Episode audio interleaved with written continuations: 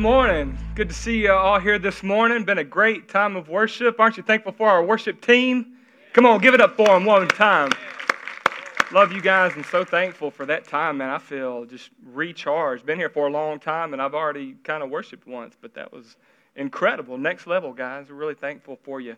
Um, and, and that whole team is volunteer dream team, too. So if you guys, you're a musician or a vocalist or something, you can be a part of this. So if you have any desire to be a part of a worship team, we invite you to take part of it. As a matter of fact, you can start that process in our next steps that we talked about in the news.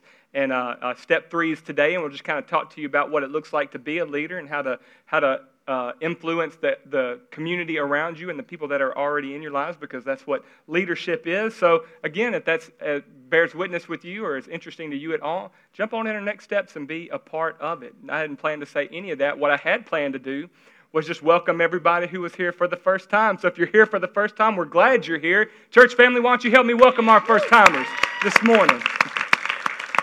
Yes, yes. We're so glad you're here this morning. Love worshiping with you excited about the message today to hear from God's Word. And when you came in, you received a worship guide, and that's just our communication to you. So I'd encourage you to take a few minutes this morning, read through that. Then in there's a couple things. There's message notes uh, with fill in the blanks to help you follow along with the message this morning. And then there's something we call a connection card. And I would just ask if you're with us for the first time or you've been here for a while but you've never filled one out, take a minute during the service, fill out as much information as you're comfortable with.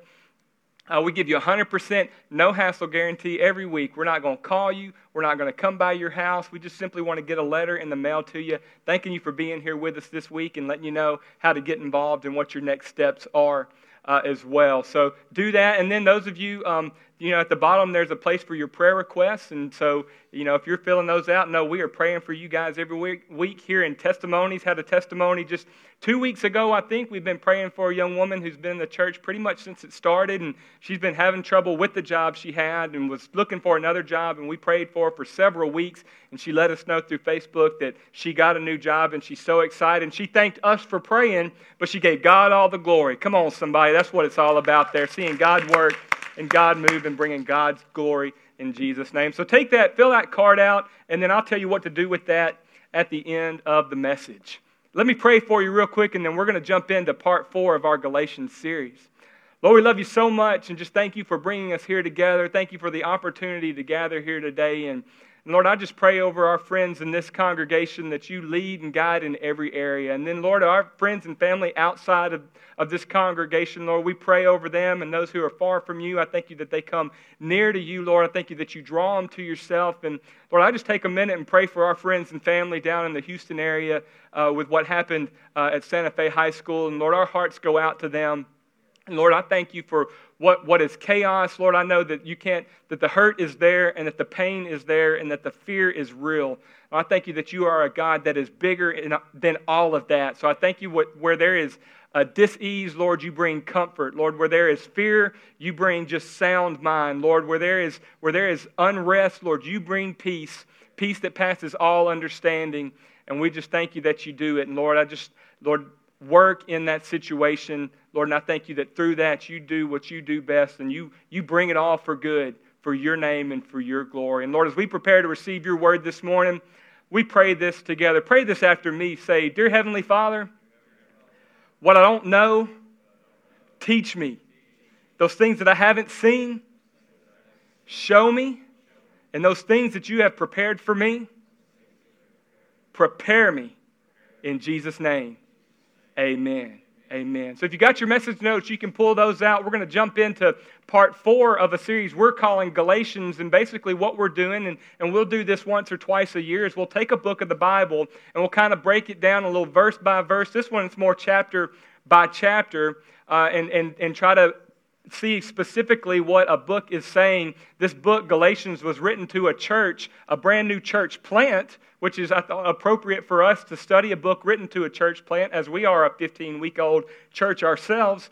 Uh, and see what, what the apostle paul who planted the church what he had to say to them because i believe that it was it is applicable to what what how we're living today and, and what's going on in us today. So, this, this Galatians, if, if you're not familiar with the Bible, is what they call an epistle, which epistle is just a fancy name for a letter. So Paul would go into these towns, he would plant these churches, he would get it started, he would go move off into another town, and then he would kind of keep up and would hear reports about what was going on to these churches.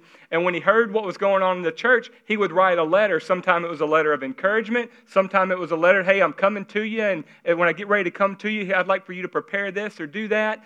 Um, this one was a little bit more of a corrective letter because he plants the church, and there was really basically in this Galatian church two kinds of two kinds of Christians came. There was, there was the Christians who really had no reference for God, did not know the God of the Old Testament, uh, didn't, didn't have any history with that, didn't observe any of those rules.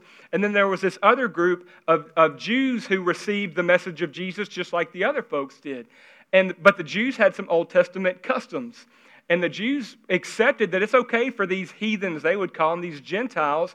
It's okay if you accept the message of Jesus, but if you're going to be a part of this, if you're going to be in this group with us, then there's some rules that we've been following for a long time that if you're going to be with us, then this is what you need to do. They called them Judaizers. It was these Christian Jews who were trying to make the new Christians who weren't Jews follow their customs. So Paul gets a hold of this, and really the, the Judaizers, they wanted these other guys, hey, if you're going to be a part of this, you need to be circumcised. 30 year old man, you need to be circumcised if you're going to join the church.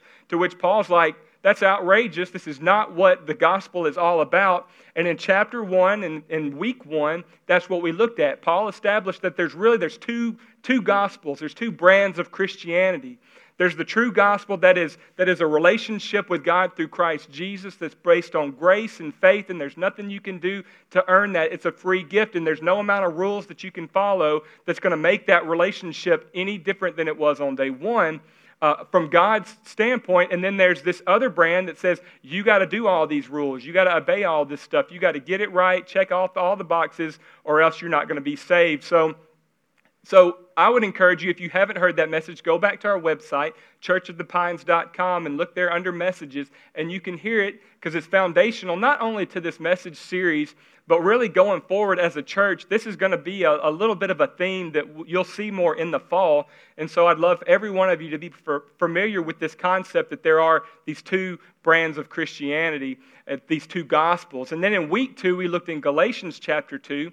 And Paul kind of talks about that there, that there is a tendency for each and every one of us that once we've experienced the true gospel, that we begin to kind of dip in back into this, the other gospel, into the religious, into the rules, into the duty, into the, you know, whatever it is. We got it for free, but some reason we think that there's something we got to do to earn it, and there's a tendency to kind of go back and forth. And Paul talks about that and gives us the secret to not live that lifestyle, not live that way. Talk, and we talked about crucifying ourselves from those types of things. And then last week we talked about week three, chapter three, we focused in on grace. And I'm thankful to report that I did not get one email or phone call from anybody arguing with me about the grace message. so I love you guys. Thank you for that. Easy, easiest church in the world. Um, but we really just established this idea, uh, and, and grace is it's the thing that holds, it's the glue that holds it all together. That, that there is nothing that you can do to earn the free gift of salvation that God gave. It's grace and grace alone. And, and so that's we need to understand that. And I want you to go back uh, and love for you to listen to that as well. We've got the message notes are on there. Message notes online to, to get with it. If you need message notes and you want to keep all that together, email us and we'll get you message notes for that. So today we're going to look at chapter 4, Galatians chapter 4. And, and Paul begins to introduce a concept here uh, to this group that was really foreign to the group at the time. Um, and this is if, if, um, if grace is what fuels the whole process, I said it was the glue, but it, it's, the, it's the fuel that gets us going. This, this, next, this next idea is the glue that keeps it all together, and it's the idea of relationship, relationship with the Father. Paul calls it sonship. And, and it's this idea that, that, that I've got a relationship now, though it's not rules based, it's not duty based, it is relationship based. And I just want to encourage you if we leave this part out of the process, if we try to do all the other stuff without the relationship, the sonship, understanding this idea, then it's going to be impossible to do, and none of the other stuff is going to work. Because God never intended you to just have a religion, He intended you to have a relationship. God wants to be in relationship with you. So Paul introduces this idea of sons or, or sonship. And I just want to let you know when we talk about sons or sonship, it, it's not talking about men only or women only. I mean, not men only or boys only. It's talking about all of us. Each and every one of us are considered sons. And, and the reason that this is important, just real quick, is because in, in their culture, in the, the oldest son were the ones who received the inheritance, who received the property, who received, when the father passed on, it was the oldest son who received everything. And if there wasn't an oldest son, they would find the oldest cousin to receive everything. Like it was the males. And so it's important to not back off and say, no, this doesn't apply to me. Why is it just the men? It's important that we all understand that men and women, we are all sons because we are all heirs, and each and every one of us are in this position to receive everything that God has for us. So it's not, it's not so much gender specific, it's the language that's important. And, and Paul even says this, and we'll look at Galatians 3. It says, You are all sons of God through faith in Christ Jesus. So it's all of us. We're all sons, men and women. And women, if it makes you feel any better, guys are included in the bride of Christ. So it's an equal opportunity kind of Bible and kind of kind of message. So he's not he's not talking about males, he's not talking about men, he's talking about relationship. And this idea of sons is really that there's a spirit to it. And it is one of those things that, that maybe just fall under the category of the mysteries of the faith. Like we don't understand everything about it, but there is a process that by which we receive this and we receive a, a, a sonship. We, we become heirs of everything that He has for us. And if you will get a hold of this, it will absolutely change your life. Now, I told you last week, in case you didn't know, that the Bible was not written in chapter and verse. So here we're looking at Galatians 3 because Paul began this, this concept before they really chaptered it into chapter 4. So let's go on and look at chapter 4, which is our, our text for today. Galatians 4 4 says, But when the time had fully come, God sent his son. So God wanted to establish something that was through his son, through relationship, something besides the rules that they had of the day and with his son, everything, every bit of his per- perfection came with him. So he sent his son, and through him, he was born of a woman. So Jesus understood what that was all about, understood that process of being born of a woman and raised up. He was born under the law, so he understood the law. He understood and grew up under what it was like to live under the law so that he could come and redeem those who were under the law that we might receive, and here it is, something miraculous, that we might receive adoption to sonship. That we become part of the family. It goes on to say, and because you are his sons, God sent his God sent the spirit of his son. So grab this that there is a spirit of his son that can live in you, that can live in our hearts. And my prayer, and I don't know everybody here today, and I'm glad I don't, my prayer for you is that you will grab hold of this today and recognize that there is a spirit of his son, that this spirit can live on the inside of you. If you haven't done it already, today is your day to receive that. And this spirit cries out, Abba, Father. So now you're relating to him as a father.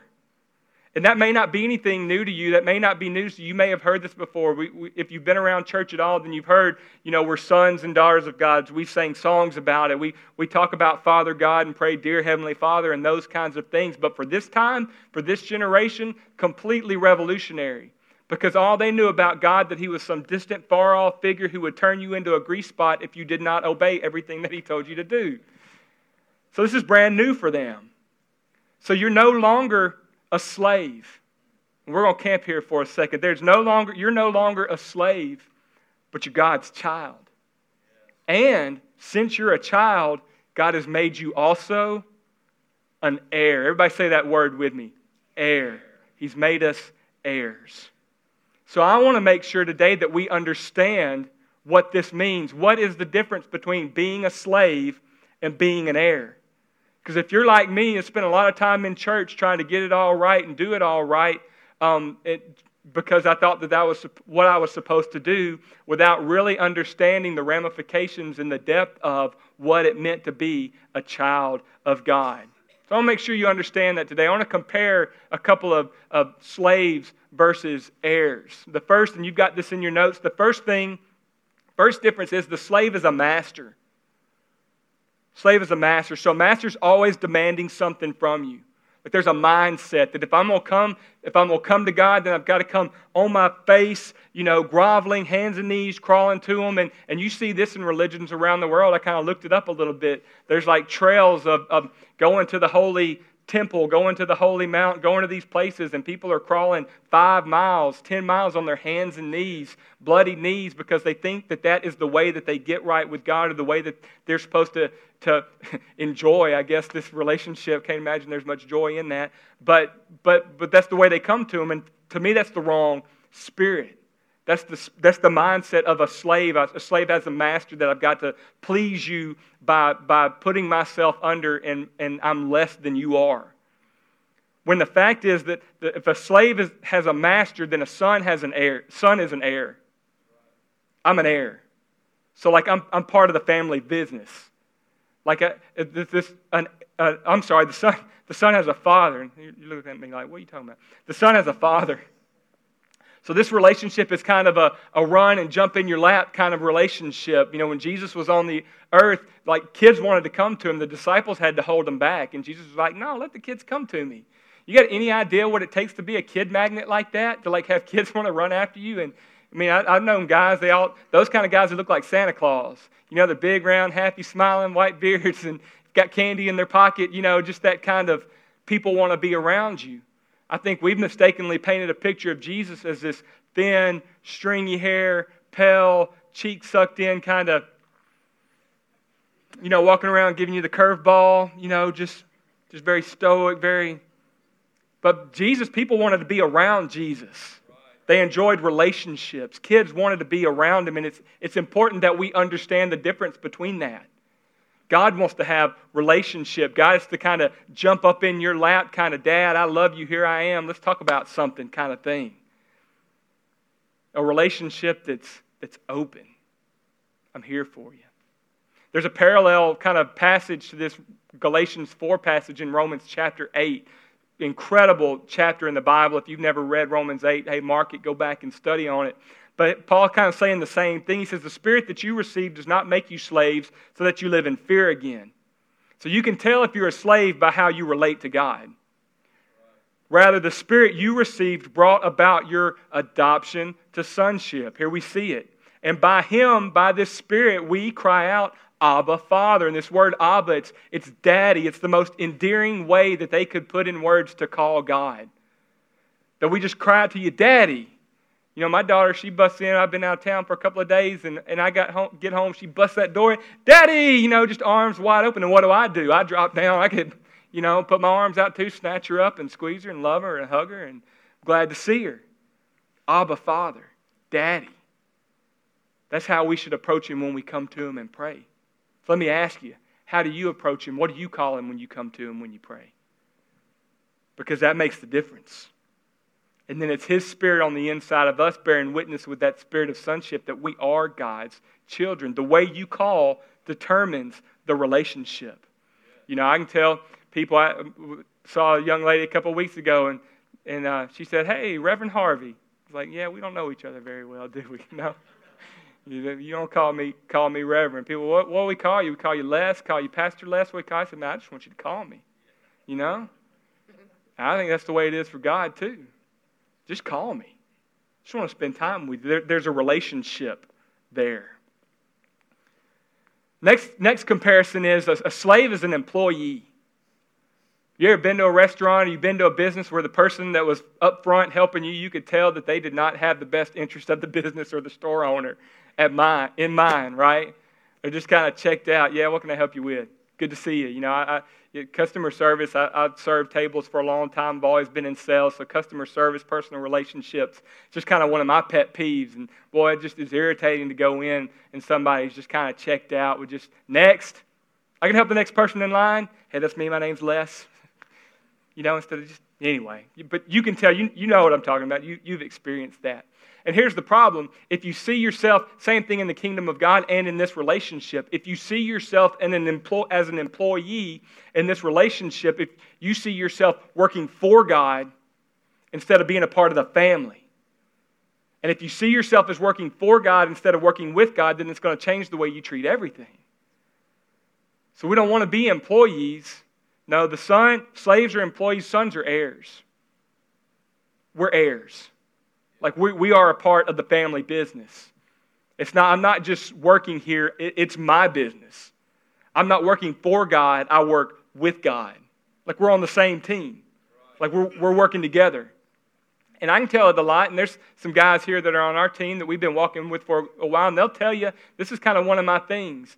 Like people, and people will come up to me and say, "Hey Les," or "Pastor Les," or even, "Hey Reverend Harvey, hey, when are y'all gonna start doing this?" Or "Why y'all do it this way?" Well, I can tell, I can tell you ain't in, you know, because you're talking about y'all. And, and I'll walk with people for a long time and let them say y'all, or, or when, when are y'all going to do that, or when's the church going to do this? What I'm looking for, really, is when are we? Because when somebody comes to me and says, hey, Les, when are y'all going to start doing this? Well, I know you're re- really what you're trying to do is you're just trying to complain about it because you don't like it. Right. But when you, come to, when you come to me and say, hey, Les, um, um, why, why do we do it this way? Well, I know you're really asking because you have a heart, because you care about what, what we're doing, and you see a better way to do it. But it's a lot different we than it is me. It's a, it's a us, not a y'all. It's the same thing in the kingdom of God. When it's yours, when you're a part of it, when you take ownership, you're going to treat it differently. Jesus even talked about this. I read it this week in the one year Bible. Jesus illustrated this in John 10. John 10 10 is a, a very common, powerful verse. It's one of the base verses for our church. The, the enemy comes to steal, kill, and destroy, but I've come that you might have life and life to the full. And that's our mission statement. We exist to lead people in a relationship with Christ that's full and vibrant in every season. And then Jesus goes on to say, and there's two, there's two different kinds. So he said, You got a shepherd out in the field. He says, I'm the good shepherd. So when a bear or a wolf comes up and tries to eat the sheep, like it's my family, it's my business, so I'm going to beat that thing back. I'm going to kill it and run it off. He says, But a hired, a hired shepherd, an employee, an under shepherd, they see trouble coming, they're going to bolt. They're going to run. They're going to be out of there. It's the difference between ownership and employeeship. Makes a big difference. Paul says it like this in Romans 8. He says, Now, if we are children, then we are heirs. That we're heirs of God, and even better, that we're co heirs with Christ. Where's the co pilot sit? Right next to the pilot. Where's the co heir sit? Right next to the, to the other co heir. we're co heirs. Meaning that in God's eyes, you have a part of everything that He has, just as Jesus would have it. And I just want to encourage you everything God has, He wants you to have. And I know that there's a lot of, of misteaching and misunderstanding and controversy over prosperity. And I know that there are, are camps and there are ditches on both sides of this topic. And you know what a, you know what a ditch is, don't you? It's just a grave with both ends kicked out. So, so there's a lot of people camped out on both sides that are struggling. Can I share you the balance, what the balance of God wants to provide and give you everything that you need? God wants you to have more than you need so that you can do for others. So here we are, sons and daughters. We are heirs. You are part of the family business. And as an heir, as a part of the family business, God wants you to have more than you need so that you can be a blessing to others. You need and I want to encourage you to pray. You need more than you need so that you can bless other people. Anyway, that's for free. But we're heirs. And then I kind of want to set up this last one with a little scripture because last week we talked about grace, and it always gets a little dicey. We're talking about grace and the free gift, and nobody here is complaining about grace, so I, I, I know you get it that there's a free gift, that there's nothing that you can do to earn salvation. It's a free gift. But that's just the first thing, and the order matters. So we get the gift, we receive salvation by grace from God.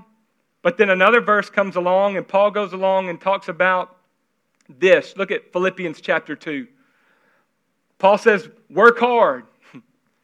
So, yes, we don't have to work, we don't have to earn it. There's nothing we can do to earn our salvation. He says, Work hard to show the results of your salvation, not work hard to get saved, because you can't do that. But once you're saved, once you're in the family, work hard to show the fruit and the results of that.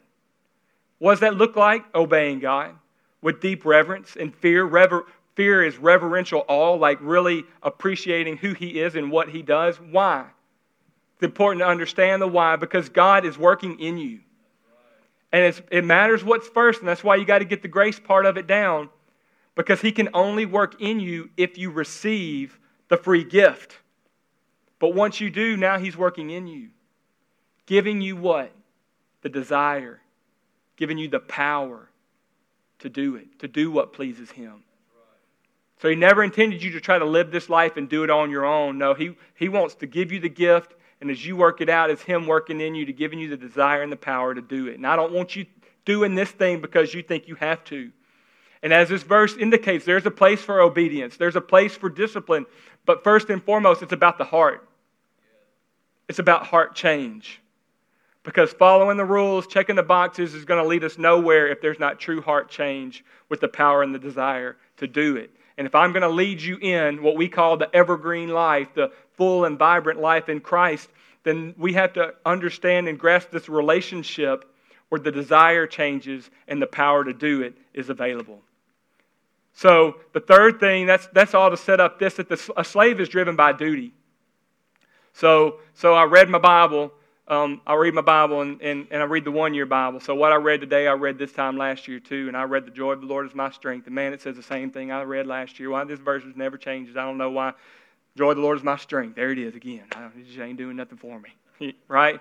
Just this duty that I'm doing it because I want to. We pray and like we want to spend 30 minutes in prayer, and so we, we pray for 15 minutes, and we've, we're kind of 15 minutes in, and we're praying the exact same thing we've already prayed, and we're just like, man, I can't pray for 30 minutes. I just got, I don't know what to do. I just got to stop. This is just the worst.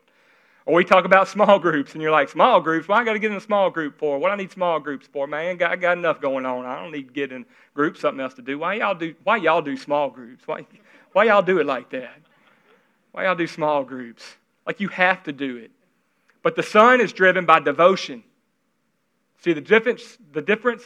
The Son's driven by devotion. So I read my Bible, and yeah, I'm reading the same thing today that I read last year. The joy of the Lord is my strength, and I recognize, God, I, I don't have this all figured out yet. Like I still got some time. I, I, I'm missing a little joy right now. Where's it at? Show me. Help me see it. We want to pray 30 minutes, 15 minutes into it. We've run out of words to say. So I got this desire, though, and Lord, I don't know what else to say, so I'm just going to sit here can I just sit here quietly and spend time with you? I just want to, I want to do that. Small groups, man, I need some relationships. I, have been missing that. I, I, got a lot going on, but man, if, if, there's relationship, I want that same testimony Caitlin had, so I, I'm in. You know, it might not be super convenient, but boy, I just I want what God's got for me, so I'm gonna get in it. See the difference? There's a desire there. And I, I love you it's kind of, I love you so much. It's, it's a joy for me to do it. And Jesus kind of models this in Luke 10. 1038, there's this story. Jesus goes into the house of these two sisters, Mary and Martha. And it says, Jesus and his disciples were on their way, and he came to a village where a woman named Martha opened up her home to him, and she had a sister called Mary. And Mary sat at the feet of the Lord listening to what he said. But Martha she was distracted by all the duty, by all the stuff she had to do, by all the preparations that needed to be made. So, what does she say? She says, Lord, don't you care? My sister left me to do all this work by myself. You see me working over here, I'm doing all this stuff, and she's just sitting over there on her feet. Tell her to get up over here and come over. You hear it? This duty. Like I'm just supposed to be doing this. They both loved Jesus, but they were approaching it two completely different ways. Jesus straightens her out. He says, Martha, Martha. He said, You're worried and upset about many things. You're bound up tight about what, what I'm supposed to be doing. He said, But few things are needed, only indeed is one. And Mary has, circle this word, she's chosen. She's chosen what is better. Can I tell you, there's a, there's a choice to be made. They both love Jesus, but they chose two different ways to get there. And it's not a feeling, it's just a choice that I'm, I choose this. I choose to be in relationship. I choose Jesus, and this is better. So, how? Like, I don't want to set up and show you the difference. We don't do it like that. We don't just set you up and then go figure it out on your own. I want to tell you how. How do we live this way? How do we do this? And quickly, and back into Galatians, in Galatians chapter 4, Paul gives us the key. He tells us how. He says, Formerly, when you did not know God, you were slaves to those who by nature are not gods. And here's the whole answers right here. But now that you Everybody say it with me. Know God. Now that you know God, and that's the first of the four parts of the vision of our church, and really this is what Sundays are all about for us, is I want each and every one of you to know God better today than you did yesterday. We can't get it all figured out here. That's why we got small groups. But this is a stepping point for every one of you to just take a step in knowing and understanding God. He said, now that you know God, or rather known by God, how is it? this is his whole issue with the Galatian church. How is it that you're so quickly turning back to those weak and miserable principles, those laws, those rules, that rigid religion? He said, Do you want to be enslaved by them all over again? Well, no. They just didn't know any better. This is why he writes the letter, and this is where he corrects them, and this is where he corrects us too. So, what do you have to do? What do we have to do to experience? What do we have to do to know God? Can I help you do that this morning? Can I help you know God better? Good. God will tell you anyway. Number one is that we, number one, we got to see God as the Father. It starts with your eyes. The Bible says that the eyes are the window to the soul. And how you see Him affects everything else that you do. Again, when you pray, when you come to Him, what, is, what does He look like? Because your view of God will determine your relationship with Him. So, what does He look like? What does God look like? Let's look at Matthew 7. It shows us. It says, Jesus says, Which of you, if his son asks for bread, we'll give him a stone? Or if he asks for fish, we'll give him a snake? Or if you then, though uh, carnal as or evil as you are, if you know how to give good gifts to your children, oh, how much more will your Father in heaven give, give good gifts to those who ask him? And can I tell you again, Jesus was revolutionizing people's view of God. Up in this point, God was smoke, and God was fire, and God was rules, and God was, you know, everybody was worried about getting uh, turned into a grease spot, and, you know, so there was just this cowering kind of fear of it. Jesus is changing all that. And he's trying to show us a picture of what the Father looks like. The problem that we have now is not that we don't hear these words it's that we got a bad picture of what a father looks like. Many of you have had bad fathers, bad father experiences through whatever, through your, who, a father who has left, a father who was abusive, a, a, father who was there but just absent, a father who just there was no, no emotional connection to. And I believe that in this day and age, this is the enemy's number one plan for our culture, is to come in and ruin this relationship. Man, he'll let you let you go make all the money, get all the jobs, do all the fun stuff, do everything you ever do, and that's fine. But as long as you've got a father wound, it's going to keep you from coming to the Father. Because we can't see him like this because of something that's gone on in our lives. And too many people let their relationship with earthly people affect their relationship with their Heavenly Father. And our prayer team, I reached out to our prayer team this week, to ask them to be praying over this point because I know there's plenty of people who are struggling with this. And at the end of the service, our prayer team is going to be down front like they always are. And I just want to ask you, I'm begging you, if that is you, and you are struggling in this area and you have trouble relating to a heavenly father because you don't know what a father's supposed to look like, can we pray with you? Can we pray with you one on one and let's today begin to break the chains that, that keeps us bound from connecting with God? relationally like He wants us to.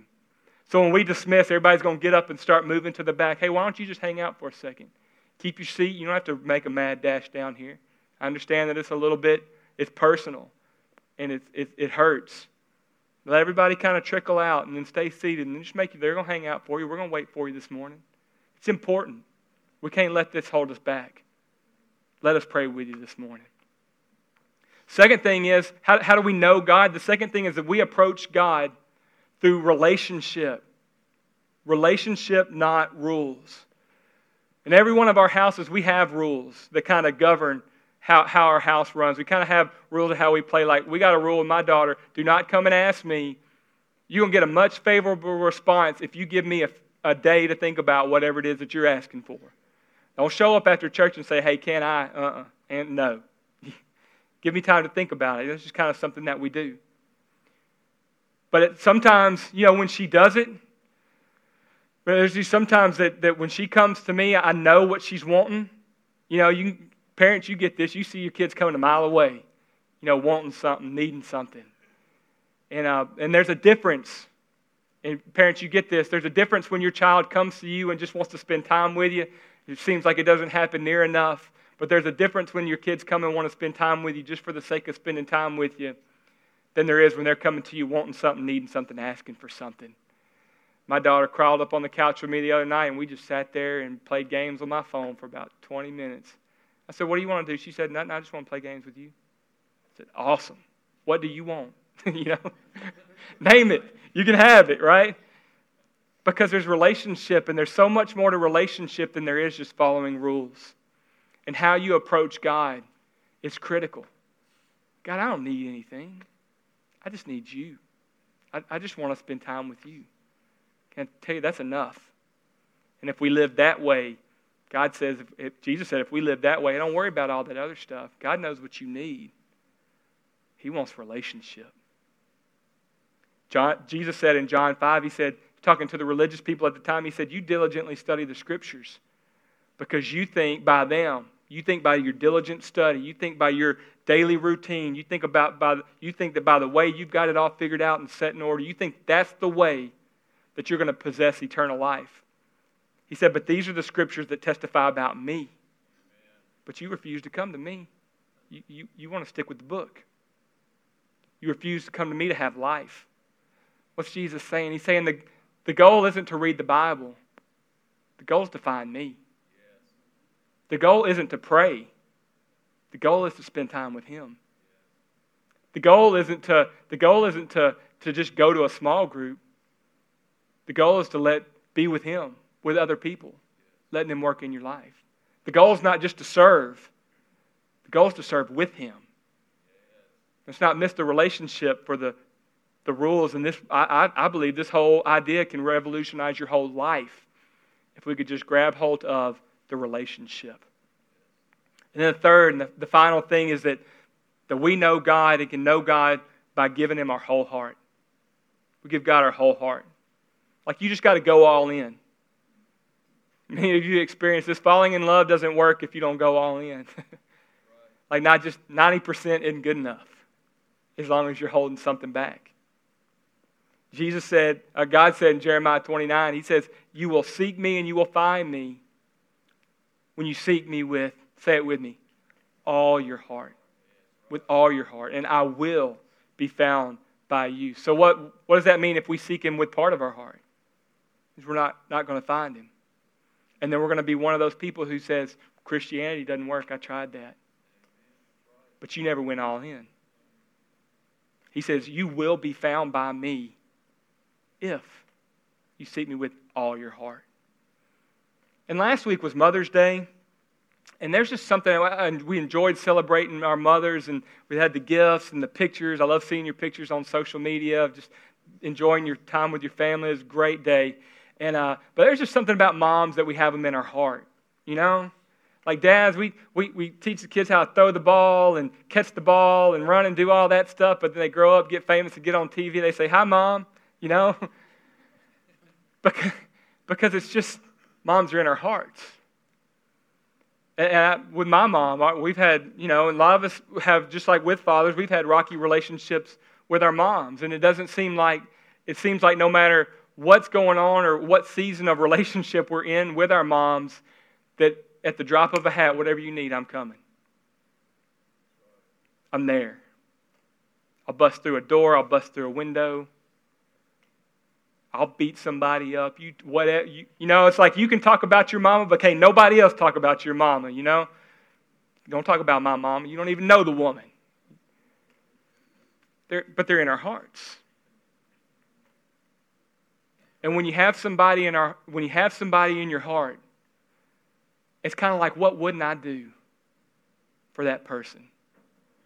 You know, my mom and I, we've had some, some things in our family dynamics been interesting over the past 20, 25 years. And there's been rocky times and there's been good times, but there's never been one time, no matter what happened, was I wasn't right there to help make a difference and come alongside her. There was, there's nothing that I wouldn't do for my mom.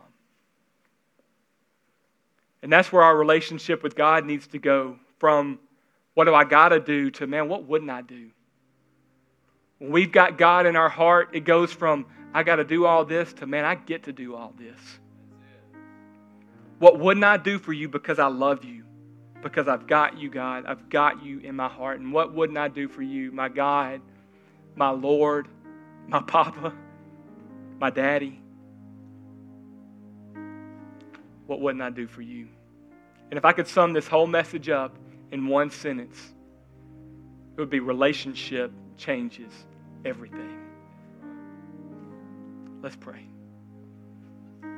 Lord, we love you so much, and we are so thankful for the relationship that you provided us through Jesus. Thank you for the free gift that it is. And Lord, I thank you that as we step into that, Lord, that we receive the spirit of adoption to where we are sons, sons of the Most High God. And if we're sons, then we're heirs, Lord. And everything that you have, you have for us. And I thank you for this church, for Church of the Pines today, that we have a, a true revelation of what that means. Help us to see it like we've never seen it before. In Jesus' name. And I pray for those who are in this room this morning and they have never experienced this. That have never heard this, that have never experienced you, that have never have even had the opportunity to receive this free gift, that have no rec- recognition that they were lost, dying, and far from you. And I pray for those in this room who are in a, in a place of decision right now that say, I need this in my life. I want to know God. Lord, help them. By your Spirit, draw them to yourself. So if you're in here this morning and you've never had a relationship with God, it starts with first realizing that we are that you are far from God and that you need a relationship that you have been trying to do it on your own way, that you have been trying to do it through your own human effort. You've been trying to do it by being right, doing right, being a good person. But a good person doesn't get you into this relationship. And a good person does not secure an eternity in relationship with your Heavenly Father. So I want to ask you this morning, I'm, I'm a, I want to pray for you if you're far from God and, and been trying to do it your own way. And this is a decision between you and God. It's not between anybody else. I'm, I'm asking everybody else to bow their heads and close their eyes. And I'm going to count to three and I'm going to clap my hands and I want you to lift your hand when I do. And I'm looking because I want to know who I'm praying for. And here's what won't happen I'm not going to call you down to the front, we're not going to bring any attention to you. You can sit right there where you are, lift your hand. We're going to pray a prayer. Everybody's going to pray the prayer together. And then you can begin this relationship today. Will you join me with that? Count of three. One, two, three. Anybody in here? Bold and lift your hand. I'm looking front to the back. Thank you, sir. I see your hand. Thank you. I see your hand in the back. Thank you. Awesome, awesome, awesome. Thank you, guys. Thank you. I see you. Thank you. I see your hand. Thank you. Thank you so much. Well, hey, everybody, why don't you pray this prayer out loud together with me? Pray, Dear Heavenly Father, I thank you for Jesus. I thank you that He died on the cross for my sins. I thank you that you raised Him from the dead. I thank you for saving me. Today I make Jesus the Lord of my life. Give me the desire, Lord, to follow you, to obey you to live my life for you. I thank you for it in Jesus' name. Amen. Amen. Hey, church, why don't you celebrate these who made that decision today?